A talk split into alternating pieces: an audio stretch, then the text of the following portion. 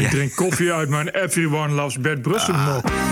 This is the TPO podcast. CDA-afdelingen maken nieuw kabinet zo goed als onmogelijk. Reken maar dat dit serieus genomen wordt. Want het laatste wat het CDA wil is een congres over samenwerken, wel of niet met Rutte. Rut kan niet zeggen of die weer gelogen Ik heeft. kan wel zeggen, er is eh, bij het opstellen van dat eh, eh, feitenrelaas in het kabinet niets vreemds gebeurd. En Nancy Pelosi legt schaamteloos lijntje met George Floyd. Thank you, George Floyd.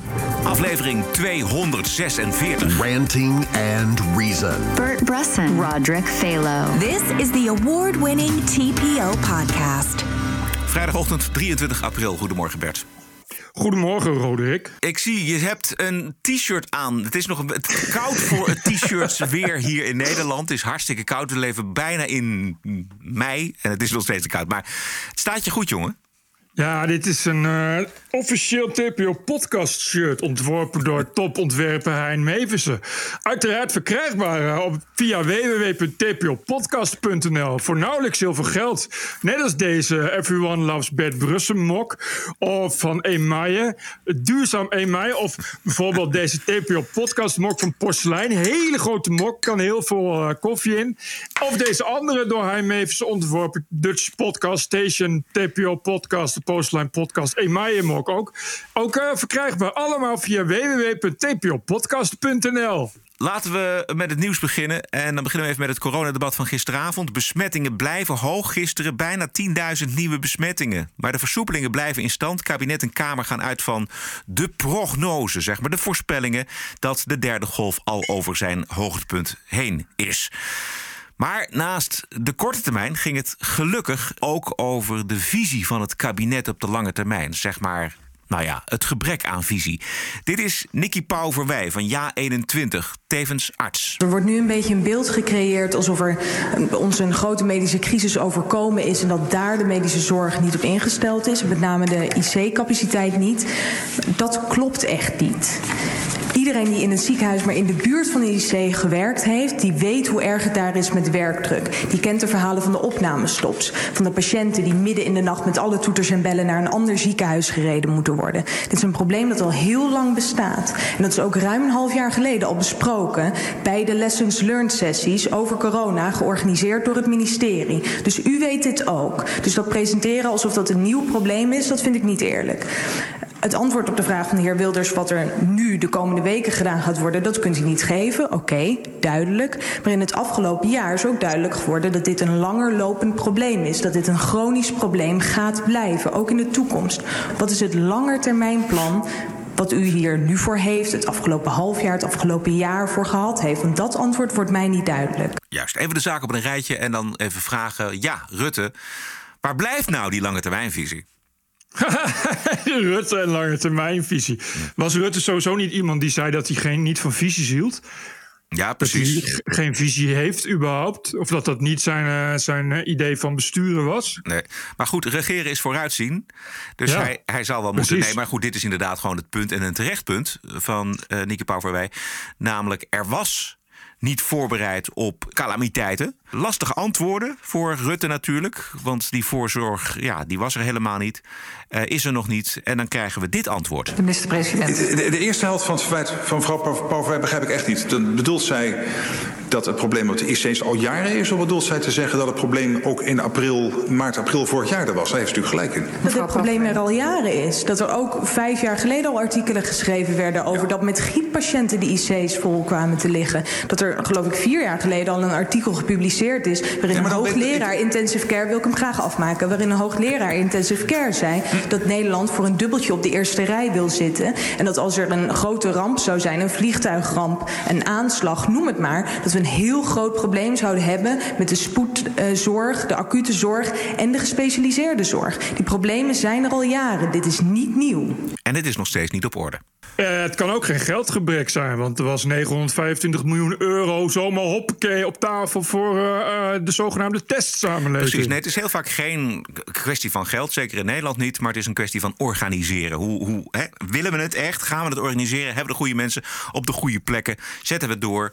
Ja, daar ontbreekt er natuurlijk al uh, een jaar aan. En dat gaat nou, voorlopig misschien niet Weet je wat een Beter idee zou zijn? Ja. Dat we een systeem uitvinden dat we om chaos te voorkomen de organisatie uit handen geven van, laten we zeggen, een soort gecentraliseerde groep mensen. Die noemen we dan bestuurders.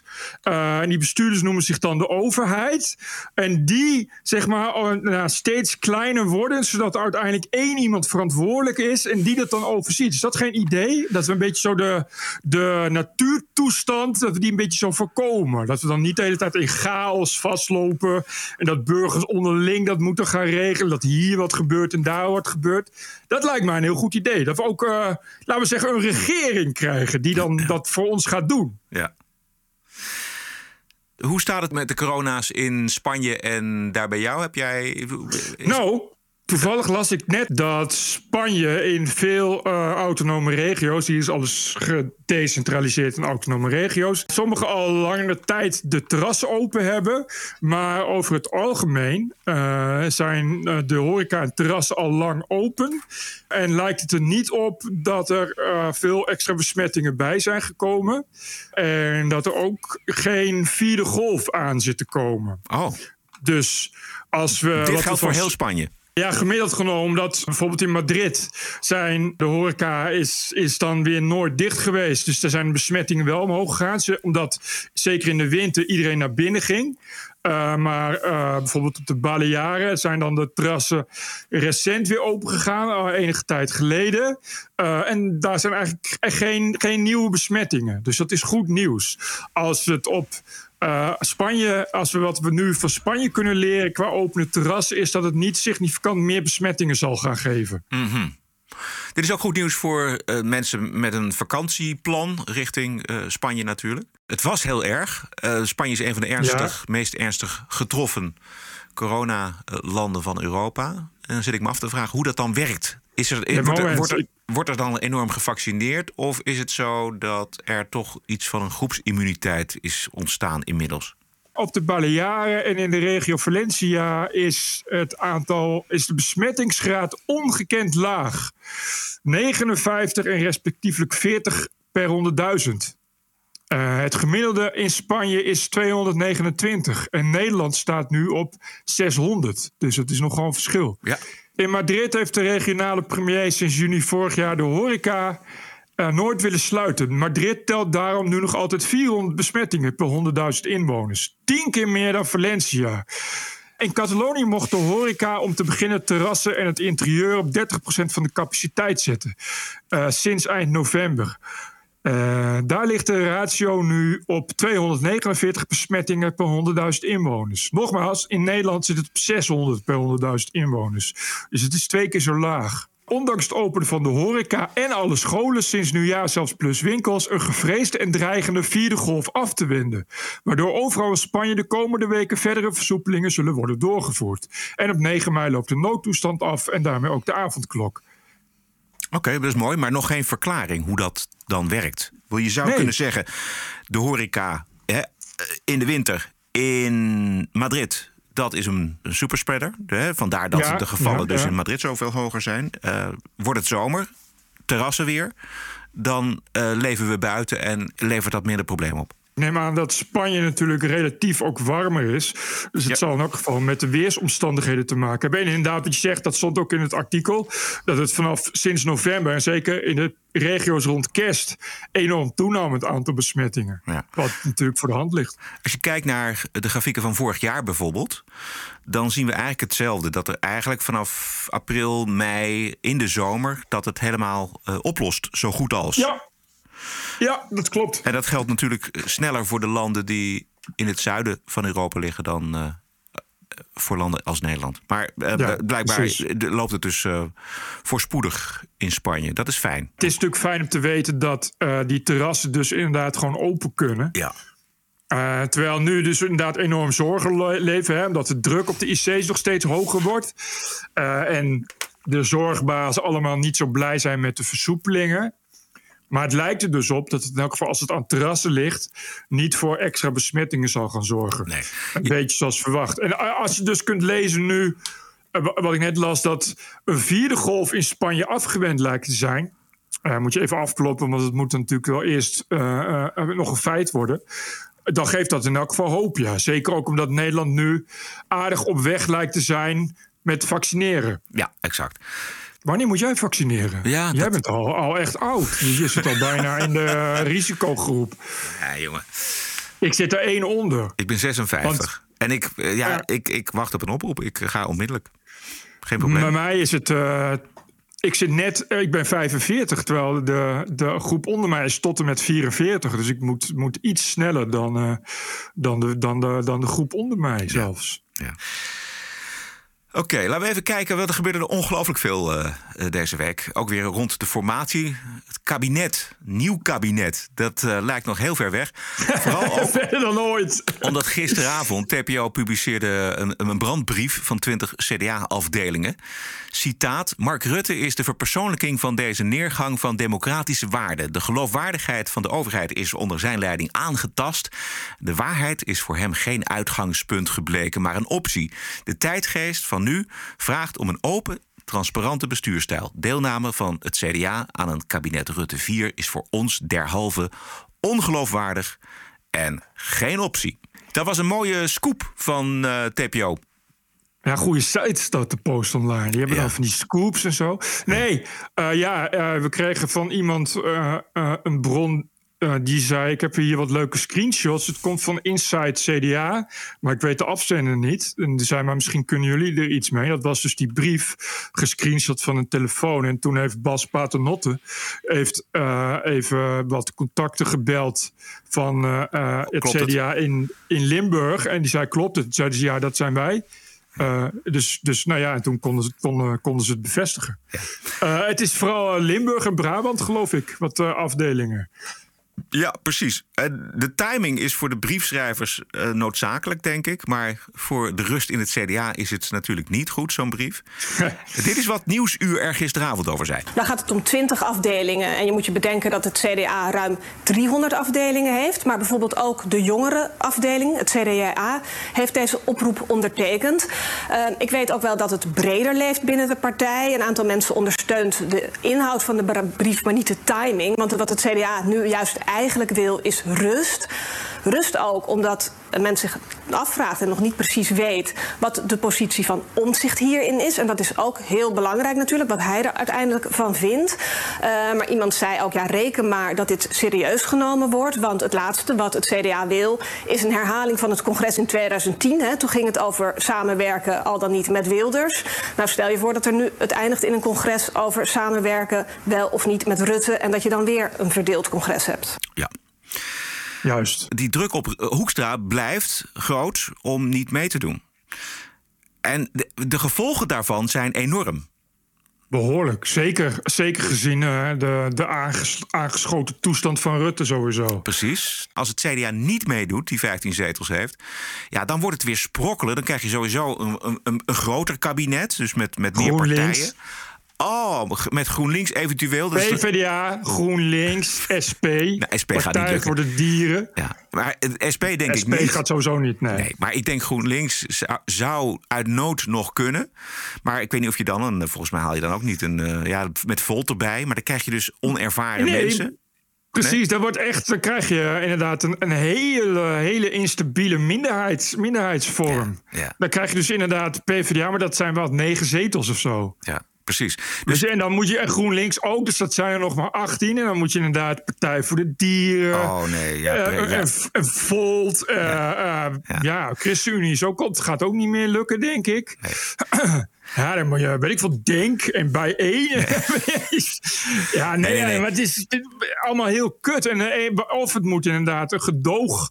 Dan krijg je weer zo'n gedo eh, Ja, gedoog door de. ChristenUnie. Ja. Ja, maar dat is ook, dat is, voor Rutte kan dat nu niet echt. Nee, dat nee. is dus het probleem. Precies. Die is al zo aangeschoten. Exact. En de problemen zijn, zijn te urgent om het over te laten aan een minderheidskabinet, volgens mij. Dus het is, het is, e- het is of dat het CDA bijtrekt en zegt: in het landsbelang gaan we toch een kabinet vormen met VVD, D66 en met de Partij van de Arbeid. Da- Dan heb je volgens mij een redelijk stabiel kabinet. Of men komt er niet uit. Nou ja, nog veel. er- Oh, sorry. En ja, dan, ja. als men er niet uitkomt en het water stijgt naar de lippen, dan moet het de Tweede Kamer kan dan uiteindelijk besluiten of er nieuwe verkiezingen komen. Maar die worden dan wel heel reëel als het CDA de kont tegen de krip blijft gooien. Juist. Boven, en vergeet niet uh, uh, dat uh, wat nu gebeurt binnen het CDA is dus niet per se een uitgemaakte zaak. Dus dat kon nog wel eens tot een, tot een heel naar schisma gaan leiden. Ja, daar, dus, waarschu je, dus, ja, daar waarschuwde Nienke, Nienke, de Zoete ook voor. Weet je, dat, dat hebben ze al meegemaakt in 2010. Precies. Over Wilders. dat heeft de partij geen goed gedaan. Dus ja, Hoekstra zal alle zeilen moeten bijzetten om die partij bij elkaar te houden. En natuurlijk speelt Omtzigt daar een cruciale rol in. Eigenlijk bepaalt Omtzigt of er een kabinet komt met het CDA ja of nee, volgens mij. Ja. Ja, misschien is, moet, moet Omtzigt nu wel van zich laten horen. Maar dit is trouwens alleen het CDA. Even iets heel anders. Ja. Dat Sigrid Kaag lichamelijk helemaal niet in Niger of Niger was. toen Rutte uh, en de rest van het kabinet met elkaar overeenkwamen. om hele belangrijke stukken stiekem weg te houden van de Tweede Kamer. Het is waarschijnlijk dat Sigrid Kaag, mevrouwtje nieuw leiderschap met veel transparantie, daar gewoon bij zat. Ja. Dus het is maar de vraag hoe betrouwbaar überhaupt nu uh, anderen ook D66 nog vinden. Want weten we dit nog? Hier scheiden onze wegen. Dat was puur wensdenken. De eerlijkheid gebiedt te zeggen dat Kaag dit zei over de leugen van Rutte... dat hij en Kaag geen opmerking gemaakt hadden over omzicht bij de ja. verkenners. Maar het zogenaamde nieuw leiderschap, maar ook de verantwoordelijkheid dat zij zaken hebben achtergehouden, dat zij onderdeel zijn geweest van de Rutte-doctrine, daar waren ze gewoon bij. Ja, daar was Sigrid Kaag bij. Die uh, was dus niet in Niger. Ook niet geestelijk, dat ze wel lichamelijk in Den Haag was en geestelijk in Nigeria was. Geestelijk en lichamelijk zat gewoon, uh, gewoon bij die kabinetsbesprekingen als minister. Precies. Het gaat dus die, die, wist dat. En erger, die heeft dus gewoon hard gelogen door te zeggen: Oh, ik weet niet of ik er was. Ja. Dat wist ze wel. Exact. Ze was er gewoon, dat wist ze gewoon. Ja, het gaat om de, het gaat om de notulen van uh, het kabinetsberaad van 15 november 2019. Kaag was wel in Niger. Uh, maar niet op die datum. We zijn in Niger op een bezoek om te kijken hoe we als Nederland samen met Niger op een aantal thema's verder de samenwerking kunnen verdiepen. Ik heb nog nooit iemand Niger zo horen uitspreken. Ja, maar dat, dat, ik, is, dat ik, weet ik, zij. Wist zij niet weet alles. hoe dat moet. Ja, net als Frans Timmermans. Frans Timmermans en uh, Sigrid Kaag zijn de enige twee eigenlijk ooit die precies weten hoe je Mali uitspreekt of Niger. Terwijl de rest zegt gewoon Mali en Niger. Ja. Uh, is, is even een klein detail, hè? maar dat, dat detail maakt het mannetje of het vrouwtje. Ik zeg het maar even. Rutte heeft eerder gezegd dat het kabinet niet bewust informatie heeft achtergehouden. En houdt dat vol. Goedenavond. Wat is uw reactie op het verhaal van de RTL? Ja, nee, goed. De, de Kamer heeft naar aanleiding van dat bericht van RTL natuurlijk een aantal vragen gesteld. Uh, wij gaan uh, natuurlijk als kabinet uh, dat zorgvuldig beantwoorden. Ik kan wel zeggen, er is bij het opstellen van dat feitenrelaas in het kabinet niets vreemds gebeurd of onoorbaars. Nou, de vraag is, dat is het verhaal, dat er bewust informatie is achtergehouden. U heeft eerder gezegd, wij hebben nooit om politieke redenen informatie achtergehouden. Blijft u daarbij? Wat ik u al zei, er is niets onoorbaars of vreemds gebeurd. Volgens RTL heeft het kabinet dus bewust, wel bewust informatie over de toeslagenaffaire aan de Tweede Kamer achtergehouden. En dat is, maar misschien is dat een ouderwetse opvatting, dat is in in een democratie is dat een doodzonde.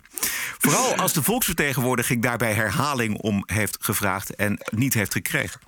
Doel van het achterhouden van informatie was om hoge ambtenaren en politici uit de wind te houden. Ja, en is het zelfs letterlijk gezegd. Ze, Hoekstra heeft in die raad ook gezegd: Ik heb geprobeerd om, om zich te sensibiliseren. Ja. En dat is niet gelukt. Wat betekent? Uh, oh ja, uh, hem tot reden te brengen, geloof ik. Dus ja. dat die, uh, dus, maar, en dat is niet gelukt. En toen is er dus gezegd: misschien moeten we dan bepaalde dingen achterhouden. Want mensen als omzicht, die worden dan alleen maar lastig. Ja, daar was dus Hoekstra bij.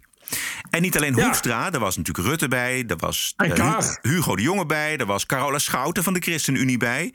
Blok ja. was erbij, Kaag was er inderdaad bij, Grapperhaus was erbij, ook CDA.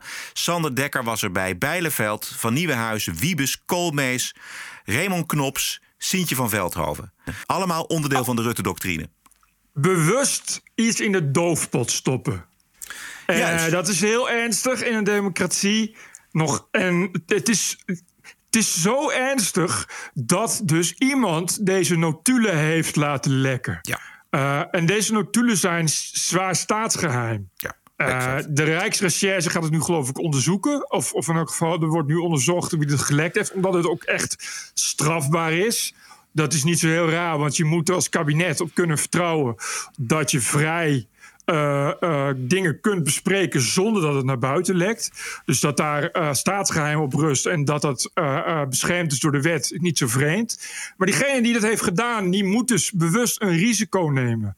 terecht, want we zijn heel blij dat het is uitgelekt. Maar zo ernstig is het dus. En dit is wel, dit, dit tekent uh, hoe verschrikkelijk de Rutte-doctrine is. En dit toont aan hoe erg het uh, daarmee gesteld is. Dat het dus nu bewust moet worden gelekt uit zeer geheime stukken. We weten niet wie gelekt heeft, maar er wordt zelden belangeloos gelekt, volgens mij. Dat is waar. In Den waar. Haag. Dus de, de vraag is, daar kunnen we eventjes over speculeren. Van ja, wie heeft dit gelekt? En ik, ik denk dan, ja, dat zou best iemand kunnen zijn uh, van de VVD. Uit VVD-hoek. Waarom? Omdat nu namelijk nog steeds de Rutte-doctrine de Rutte-doctrine is. Ook in de beeldvorming. Rutte heeft het gedaan. Rutte moet weg. En nu blijkt uit die notulen dat het niet alleen Rutte is, maar dat het gewoon het kabinet breed wordt gedragen. Dit gebrek aan informatievoorziening richting de Tweede Kamer. En dat, al die tijd. Dat al die tranen krokodillentranen zijn geweest. Dus dat maakt, dat zou een, een kabinetsvorming ook wel weer gemakkelijker maken. Want ze zijn allemaal schuldig. Ze kunnen het niet afschuiven op Rutte. Nee, Precies. Het wordt sowieso lastig om, om dan een kabinet te vormen. Zelfs uh, als, je, als je zegt van uh, ik heb iets tegen Rutte. Ja, ik bedoel, ze zijn allemaal schuldig. Of het wordt makkelijker. Het wordt makkelijker omdat nu blijkt dat ze niet kunnen wegkomen. Wat, wat zo'n Zegers heeft gedaan, weet je wel, met de ChristenUnie. Die heeft gezegd: ja, nou, dit, wat er nu allemaal boven tafel komt, dat vinden we allemaal vreselijk en heel erg. En we willen om die reden willen we niet met Rutte in een vierde kabinet. Ja, en wat nu blijkt, is dat Carola Schouder van zijn eigen partij onderdeel is geweest van die Rutte-doctrine. Dus ja. Zegers, die, die praat poep. This is the TPO podcast. Goed, dan gaan we naar de Wokweek. Kijken hoe lang de tenen deze week zijn. I was offended and I have rights. TPO podcast. You're an adult. Grow up. Deal with it. I don't care. care. Dit zijn de berichten uit de open inrichting. Mensen, bedrijven, instanties die zich een slag in de ronde deugen... en diep buigen voor de terreur van de identiteitsideologie. Of juist niet, of zich ertegen verzetten. Wij vragen onze luisteraars naar hun eigen ervaring met de woke-terreur, bijvoorbeeld op het werk. En ik kreeg een mail van iemand van mijn oude werkgever RTL. Daar worden ook mensen onderworpen aan trainingen voor diverse en inclusief denken en handelen. En hij schrijft. Is dat. RTL Nieuws of RTL? RTL. Oké. Okay. Beste Bert en Roderick. Luister vaak naar jullie vermakelijke woke-rubriek. RTL doet ook graag mee met de wokies. Dat was ons al opgevallen.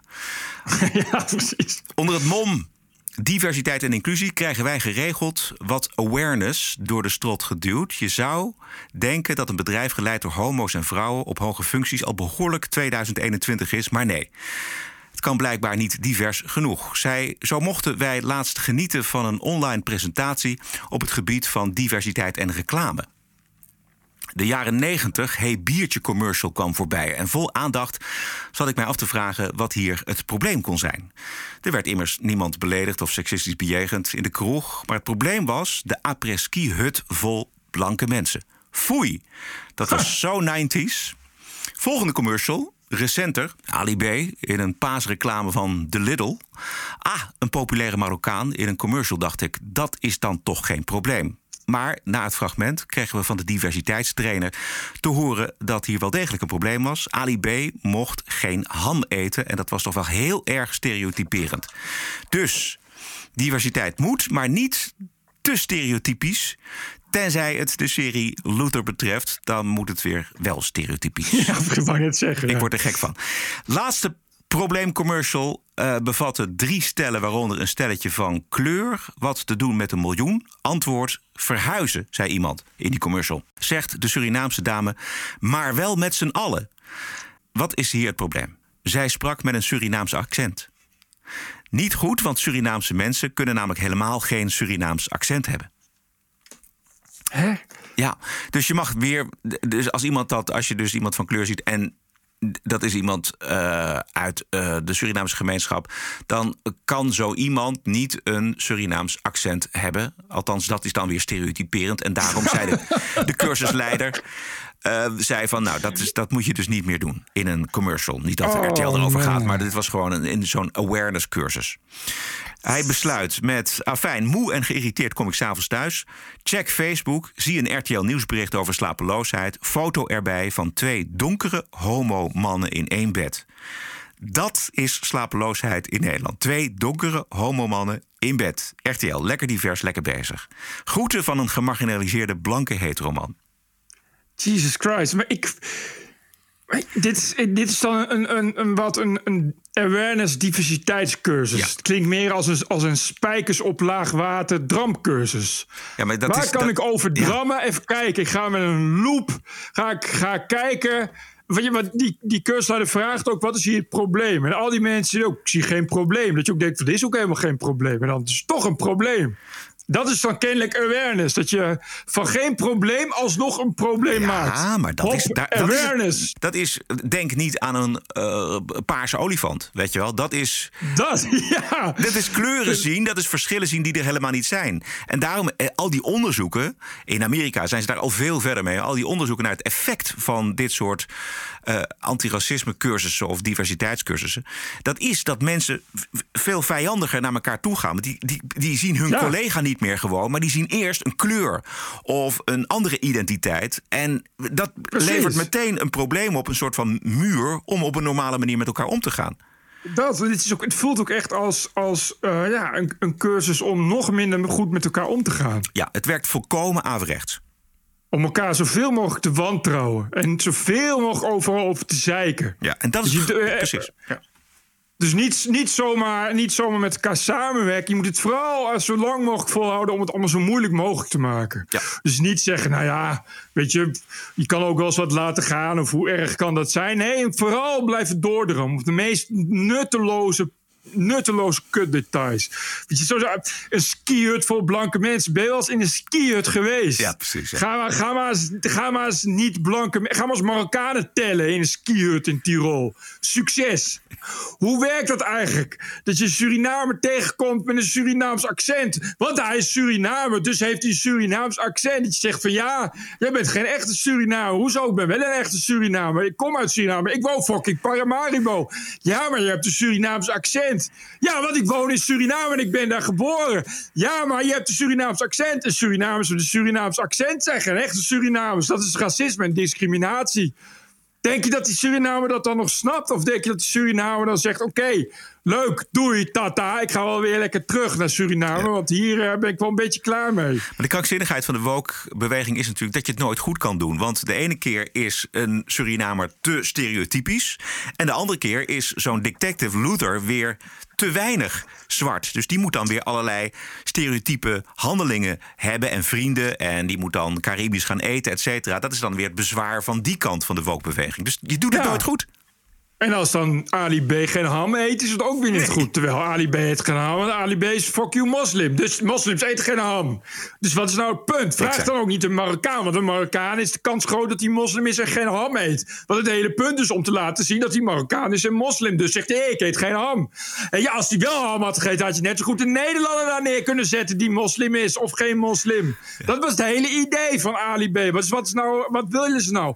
En eh, ik neem aan dat dus RTL betaalt voor dit soort cursussen. En dan moet je dan heen als personeelslid. Ja, ik ik weet niet of het eh, verplicht is, maar eh, eh, het is- wordt wel aangeraden, geloof ik.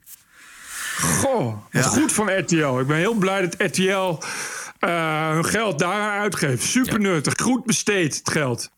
Heb jij Ja, eh, Richard Dawkins. Iedereen kent Richard Dawkins. Ja. Hoogleraar, maar vooral bekend als eh, atheïst. Eh, die was ooit een belangrijke lid van eh, de Amerikaanse Vereniging van Humanisten. Eh, en dat is hij nu niet meer, want Richard eh, Dawkins heeft iets verkeerds getwitterd. Oh ja. Op 10 april twitterde Richard Dawkins. Uh, in 2015, blanke mevrouw die was president van de NAACP, een zwarte belangenorganisatie. Die had al haar leven gedaan alsof ze zwart was en dat bleek niet te zijn.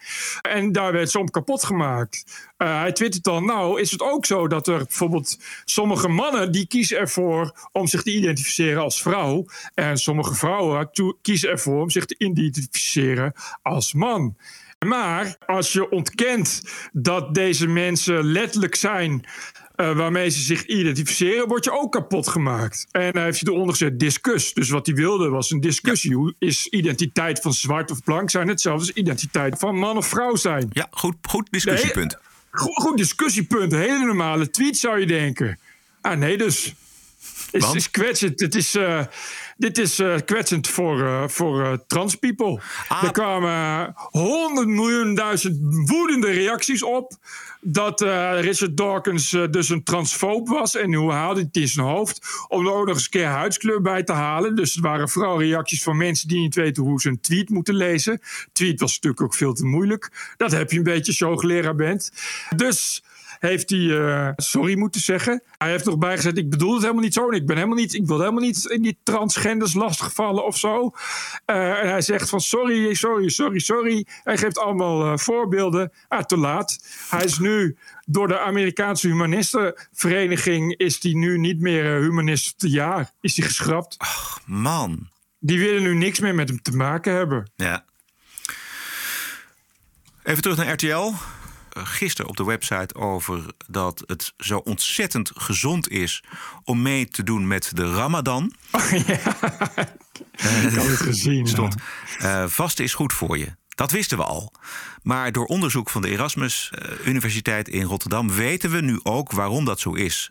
Zo zou het goed zijn voor zowel de darmen als de lever. En dan vraag: is het daarom een goed idee om heel Nederland mee te laten doen met de vaste maand? En toen dacht ik, hoe kom je nou aan zo'n suggestie? Ja. Dat is puur ingegeven door de gedachte van we gaan verbinden. We gaan allemaal meedoen ja. met de Ramadan. Want logisch is het natuurlijk niet.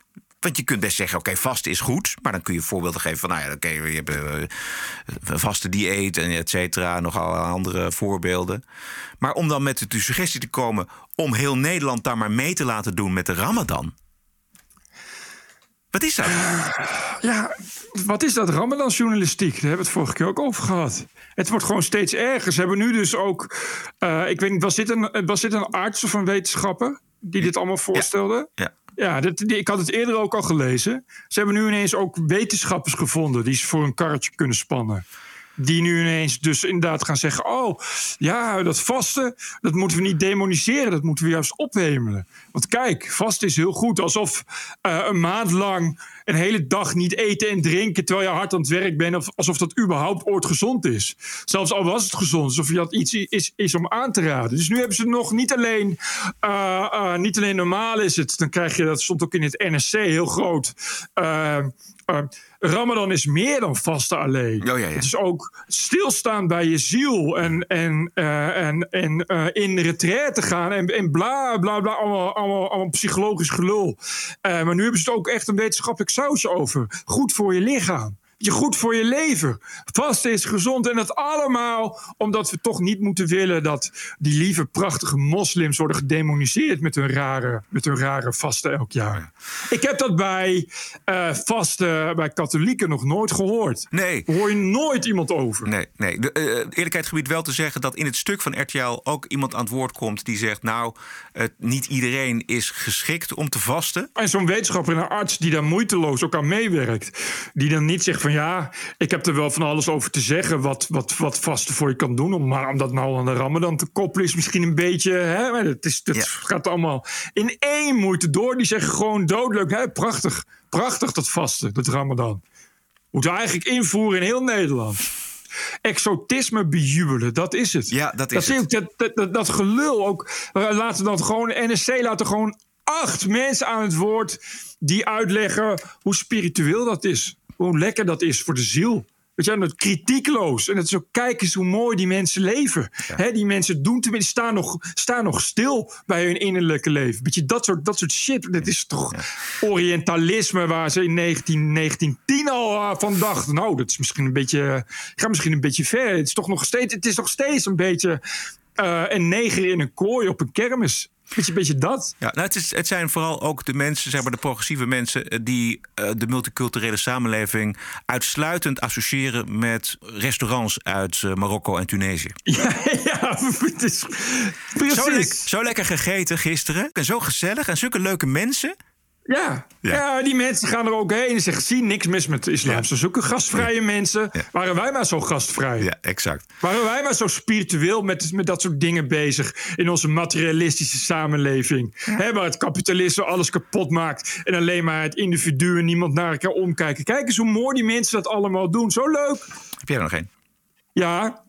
Uh, je zou denken: het woke-bolwerk Amnesty International. Daar is het allemaal koekenij, want daar weten ze hoe het werkt. Van niet discrimineren, geen mensenrechten scenden, geen seksisme. Je raadt het nooit. Op de grote hoofdkantoren in bijvoorbeeld Londen van Amnesty International blijkt het gewoon een blanke, racistisch, seksistisch mannenbolwerk te zijn. Oh ja? Vol met hetero- en seksistische grappen. Ja, dat blijkt uit onderzoek waarover The Guardian onder andere gepubliceerd heeft. Uh, het heeft letterlijk een cultuur van white privilege. Heb je voorbeelden, Beert? Ja, bijvoorbeeld het aanraken van het haar van mensen die zwart zijn en daar grappen over maken. En als er bijvoorbeeld mensen zijn die moslim zijn, uh, die zeggen dan uh, dat ze even stilte willen, bijvoorbeeld, of ze willen zich terugtrekken om het gebed te doen, dan worden daar ook weer uh, kwetsende grappen over gemaakt. of er wordt geen rekening mee gehouden, of de stilte wordt bewust verstoord. Ehm, agressief gedrag, vooral over de e-mail, en dan vooral gericht aan, op kantoren in Zuid-Amerika en Afrika. En zo gaat het nog wel even door. En de, dit heeft The Guardian opgeschreven en die hebben dat dan weer. Ja. Uh, ja, dit heeft The Guardian opgeschreven na, na aanhoudend uh, commentaar. Er waren steeds meer whistleblowers die zeiden: je moet daar onderzoek naar oh, doen. Okay. Uh, en dat heeft, even kijken, acht voormalige en huidige medewerkers van Amnesty International in Londen uh, hebben daar onderzoek naar gedaan en hun, hun, hun, hun gedrag uh, beschreven. En de whistleblowers zijn ook bij naam bekend. Die worden ook gewoon met naam genoemd in, okay. in, dat, uh, in, dat, in dat artikel. En Amnesty zegt, we gaan dit onderzoeken. Tot op de Amnesty bodem zegt, uitzoeken. Uiteraard, die zeggen van super ernstig, we gaan hier meteen werk van maken. Je kent het ja, allemaal wel. Ja, ja. Ook het Dolfinarium Harderwijk is woke, Bert. Oh ja? Geen dolfijnen meer door hoepels en geen klappende zeeleeuwen meer. Het Dolfinarium gaat een diervriendelijke koers varen. Allemaal onder druk van minister Carola Schouten. En u vraagt zich misschien af waarom zou ik dan nog naar het Dolfinarium gaan als ik geen klappende zeeleeuwen meer vind? In de plannen ligt de nadruk op educatie en het natuurlijk gedrag van dieren. En kunstjes horen daar niet bij. En nou dacht ik van ja, je ziet wel eens op die YouTube-filmpjes van die dolfijnen en zeeleeuwen in de wilde natuur. Hè? En die beesten die doen uit zichzelf al heel erg veel kunstjes. Ja. En die zien volgens mij zo'n hoepel als een speeltje. We hebben de dolfijnen geklaagd. Dat, ja. ze, dat ze gediscrimineerd worden. Of Zoiets. wat is hier ja, uh, het punt? Ja. Nou, dat hoeft niet eens. Want die vragen niet. Die weten gewoon dat mensen en dieren gediscrimineerd en gemarginaliseerd worden. Dus dat is geen kwestie van vragen. We, uh, kunstjes, ik zie niet helemaal het probleem. Ik heb niet, nooit het idee gehad dat dolfijnen het heel erg vinden om een kunstje te doen. Nee.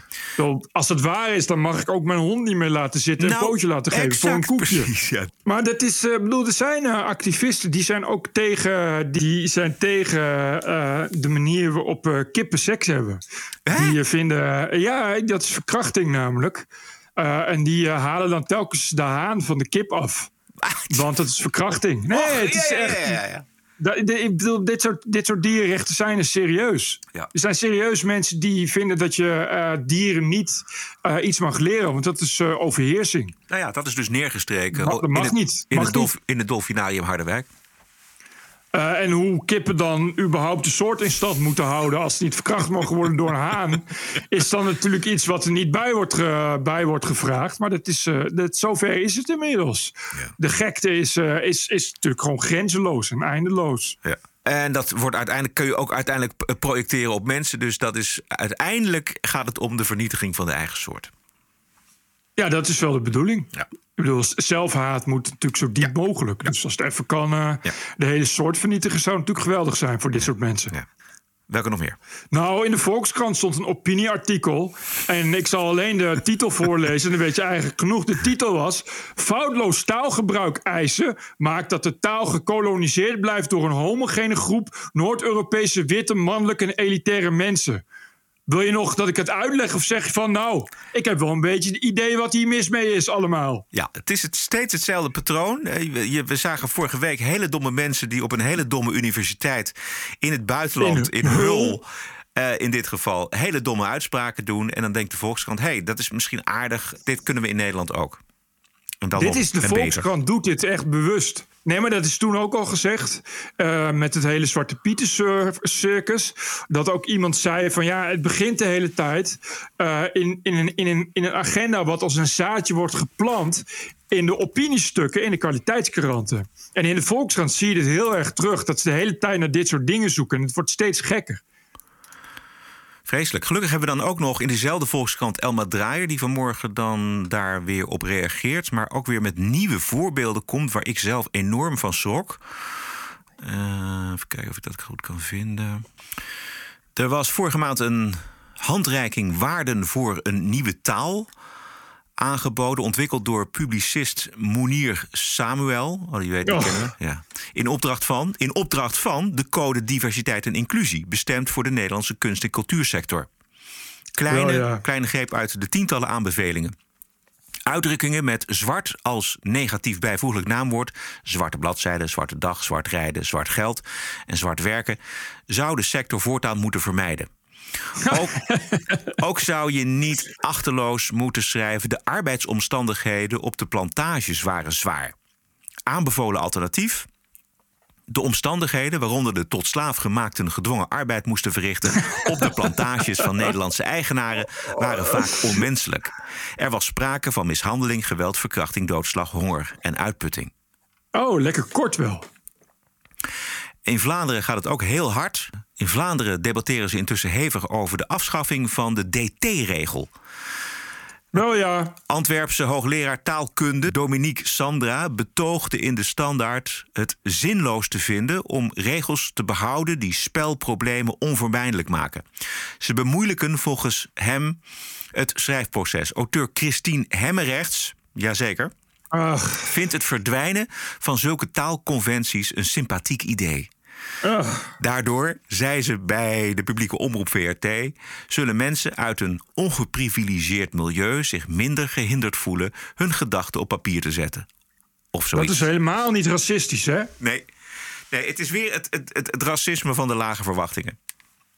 Tering. Maar Ja. hoe kun je nou... ik- zonder D of T, dan weet ik dus niet of je voltooid deelwoord schrijft... of, of, of, een, of een werkwoord. Ik, wat, ik bedoel, of, of in de tegenwoordige tijd. Het is, ik Maar bedoel, Bert- Bert, die regels hebben, hebben toch zin? Ja, precies. Het, wordt, het lezen wordt er niet echt makkelijk op, denk ik zo. Nee, dat is één punt. Maar het andere is dat het zo diep racistisch is. Je, je, gaat, je zegt namelijk, mensen van buiten of mensen, mensen, immigranten, die kunnen niet goed spellen. En die gaan we ze ook niet leren. Hè, mensen, Precies. Eigenlijk zeg je, mensen van kleur kunnen niet goed leren. Laten we dan de scholen maar afschaffen.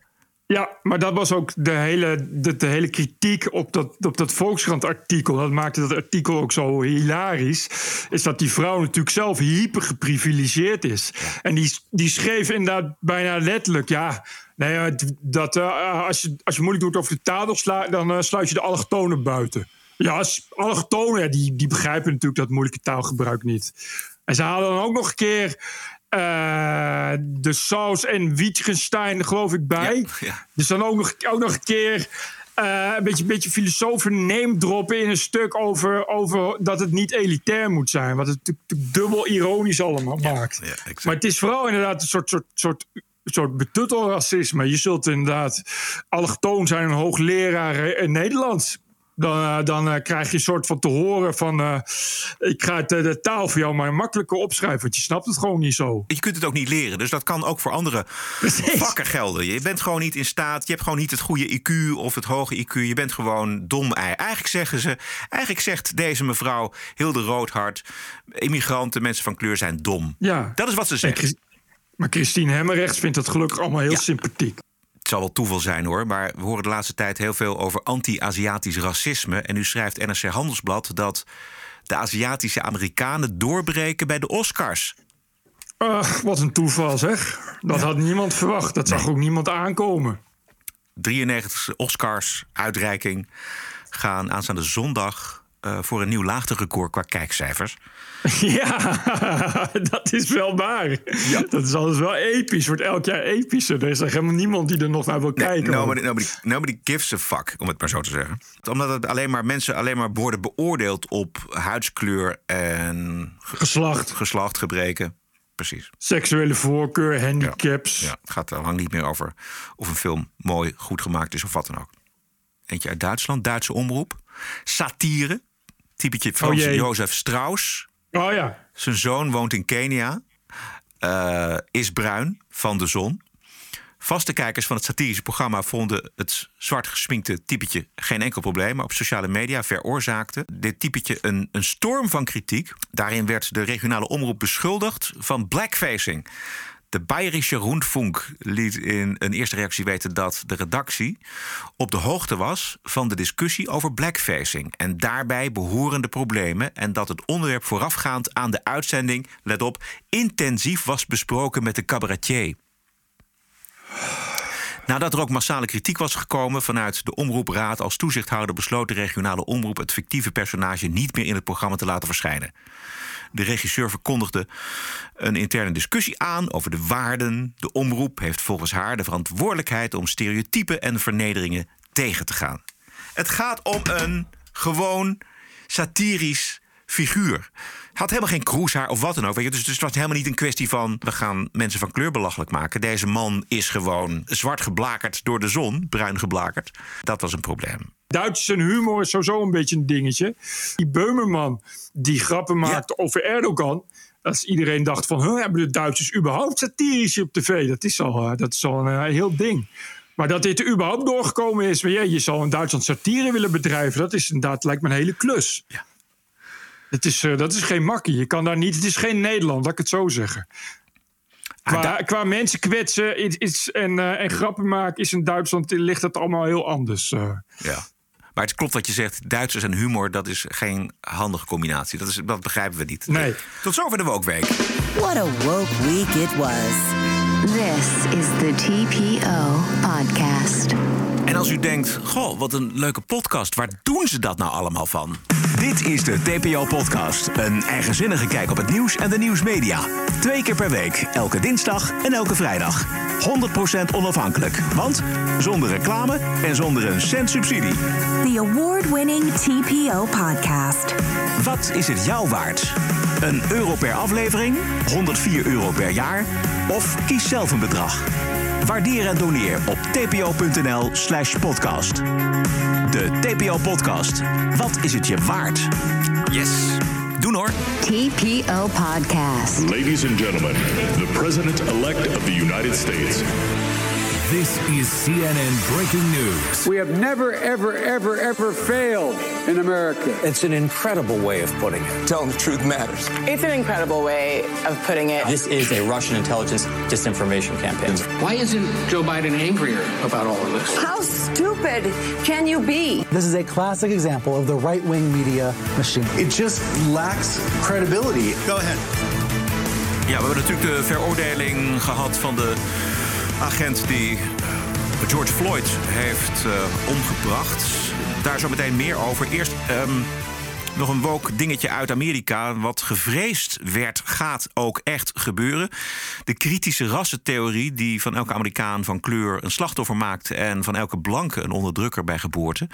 Die theorie gaat president Biden doordrukken op de Amerikaanse scholen. We hebben het vorige keer al over gehad. Exact. En dat gaat nu ook echt gebeuren. Zijn minister van Onderwijs heeft daartoe actie ondernomen. Biden vindt namelijk Amerika een land van institutioneel racisme. En daar moet de indoctrinatie van de critical race theory tegen helpen. En ik weet niet of Biden het nou um, echt allemaal vindt. Hij leest vooral voor van de autocue. The moment it arrived as a nation where we face deep racial inequities in America and system, systemic racism. Luister even naar hoe ongelooflijk vurig en krachtig hij dit ja. over het voetlicht brengt. That has plagued our nation for far, far too long. I said that over the course of the past year that the blinders have been taken off the nation, the American people. What, what many Americans didn't see or had simply refused to see couldn't be ignored any longer. Those uh, eight minutes and 46 seconds that took George Floyd's life opened the eyes of millions of Americans and millions of people around all over the world. It was the knee on the neck of justice. Wat een spreker is die man. Wat een begaafd nou, redenaar is Ongelooflijk. Als het je nou je werkelijk aan, aan, aan het hart gaat, weet je. Als je nou werkelijk woke bent. Als je nou werkelijk het gevoel hebt dat er in Amerika iets moet veranderen. ten aanzien van de gemarginaliseerde groep zwarte Amerikanen, om maar een voorbeeld te noemen dan komt daar toch passie uit. Ja, dit is echt uh, ja, dit is het voorbeeld van een vurig redenaar. Dit is een echte leider, is dit. Een echte president. Ongeacht de inhoud, als je naar die man luistert... dan, dan, dan neemt hij gewoon al mee op, op, op, op dus zo'n woorden van vuur. Dat is echt, dat geeft, krijgt meteen vleugels. Krijgt meteen diep getriggerd en enthousiast. Maar ondertussen voert hij het dus wel door. Hè? Die critical ja. race theory, ja, dat is echt uh, heel uh, wat, ernstig. En dat maakt eigenlijk Biden tot een van de gevaarlijkste presidenten. Omdat dit dus eigenlijk het grootste gevaar is voor de persoonlijke vrijheid van mensen. Het is puur racisme. Yep. Het is kort samengevat heel simpel. De blanke man is uh, een onderdrukkende racist. een beetje, een beetje ja. critical race theory samengevat. Ja je hoorde hem ook eh, dat weer koppelen natuurlijk aan het, uh, het, het, proces waar heel Amerika natuurlijk naar gekeken heeft de afgelopen dagen. Dat proces tegen Derek eh, Chauvin, de politieagent die George Floyd om het leven gebracht heeft. Even los van het hele proces was de, het schaamteloze opportunisme van Nancy Pelosi over de uitspraak. Thank you, George Floyd, for sacrificing your life for justice. For being there to call out to your mom. How, how heartbreaking was that? Call out for your mom. I can't breathe. But because of you and because of thousands, millions of people around the world who came out for justice, your name will always be synonymous with justice. Ik hoor hier bijna in door dat, dat die, die, die, die George Floyd een soort moeder Teresa was ja. of zo. Ja. Die die eigenlijk alleen maar, alleen maar goeds heeft gedaan voor de wereld. Het was gewoon een crimineel verder. Ik wil niet, uh, bedoel, dat hij, uh, dat werd doodgedrukt door een agent. Het is inderdaad uh, laakbaar, verwijtbaar gedrag. Maar dat is toch niet die hele persoon meteen een heilige, of wat? Nou, nee, als je kijkt naar zijn, zijn track record, dat was hij zeker niet. Want hij heeft uh, overvallen gepleegd. Een zwangere vrouw heeft hij het pistool op de buik gezet. Hij had zeker een crimineel verleden. Bedoel, hij zal ook ongetwijfeld leuke kant hebben gehad. Maar een heilige van hem te maken, zeker uit de mond van Nancy Pelosi... dat, ja, is, uh, precies. dat is gewoon puur politiek opportunisme. Dat was het. Of had yes. je nog wat? Hadden we nog wat? Nee, nee, nee, dit ja, was het toch wel. Hoor. Voor de vrijdagochtend was dit wel. En vergeet geen, uh, niet zo'n mooie mok te kopen op tpopodcast.nl. Of zo'n gaaf t-shirt als ik aan heb. Moeten we nog eventjes zeggen, want dat is misschien wel goed. Kijk, mensen denken van nou, dan, we gaan dat kopen en dan daarmee steunen we de TPO-podcast. Dat is volgens mij niet het geval. Toch? Jawel, maar oh. heel, heel, heel marginaal. Ja, precies. Dus denk, nou, doe het vooral voor jezelf. Als je dat leuk vindt om zo'n t-shirt, zoals Bert aan heeft nu... En een, en een mok te kopen of andere zaken. We hebben ook onderbroeken, het is allemaal geweldig. Het is gewoon eigenlijk gewoon leuke gebbe dingetjes om te hebben. Maar het is niet zo dat, dat wij daar nou een, een hoop geld aan overhouden. Nee, daar, dat... Daarvoor moet echt gedoneerd worden. Want de goedkoopste mok, daar hou ik nog geen eens een euro aan over, geloof ik. Oké. Goed. Dus het doneren uh, vervalt daarmee niet. We hoeven geen grote bedragen Precies. van mensen. Maar als, als iedereen nou een euro per aflevering uh, neertelt, kunnen wij verder. Ja. En, en dan blijven we leven. Wie kan er nou geen euro missen? Of wie kan er nou geen 2 euro per week missen? Iedereen kan het missen. Dus als iedereen gewoon uh, 2 euro per week, 1 euro per aflevering dan uh, is het win-win. Wij tevreden, jullie tevreden met uh, de podcast. En dan ook nog eens een keer een topplek in het hiernamaals verzekerd. Zo werkt nou, dat. Ik zie geen reden om, ik zou eigenlijk geen reden zien om dat niet, uh, niet te doen. TPO Podcast is te vinden op Spotify, Apple Podcast, iTunes en natuurlijk op tpo.nl.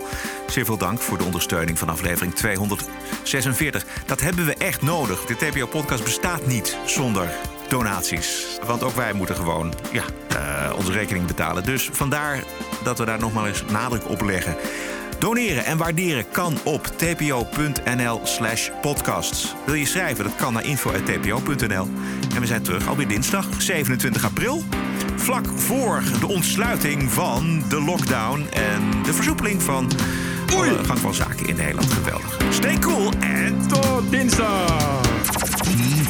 TPO Podcast. Bert Bruson, Roderick Balo, Ranting and Reason.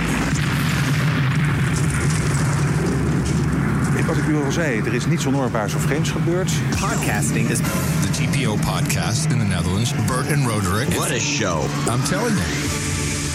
Keep the show running. Go to tpo.nl slash podcast. Thank you.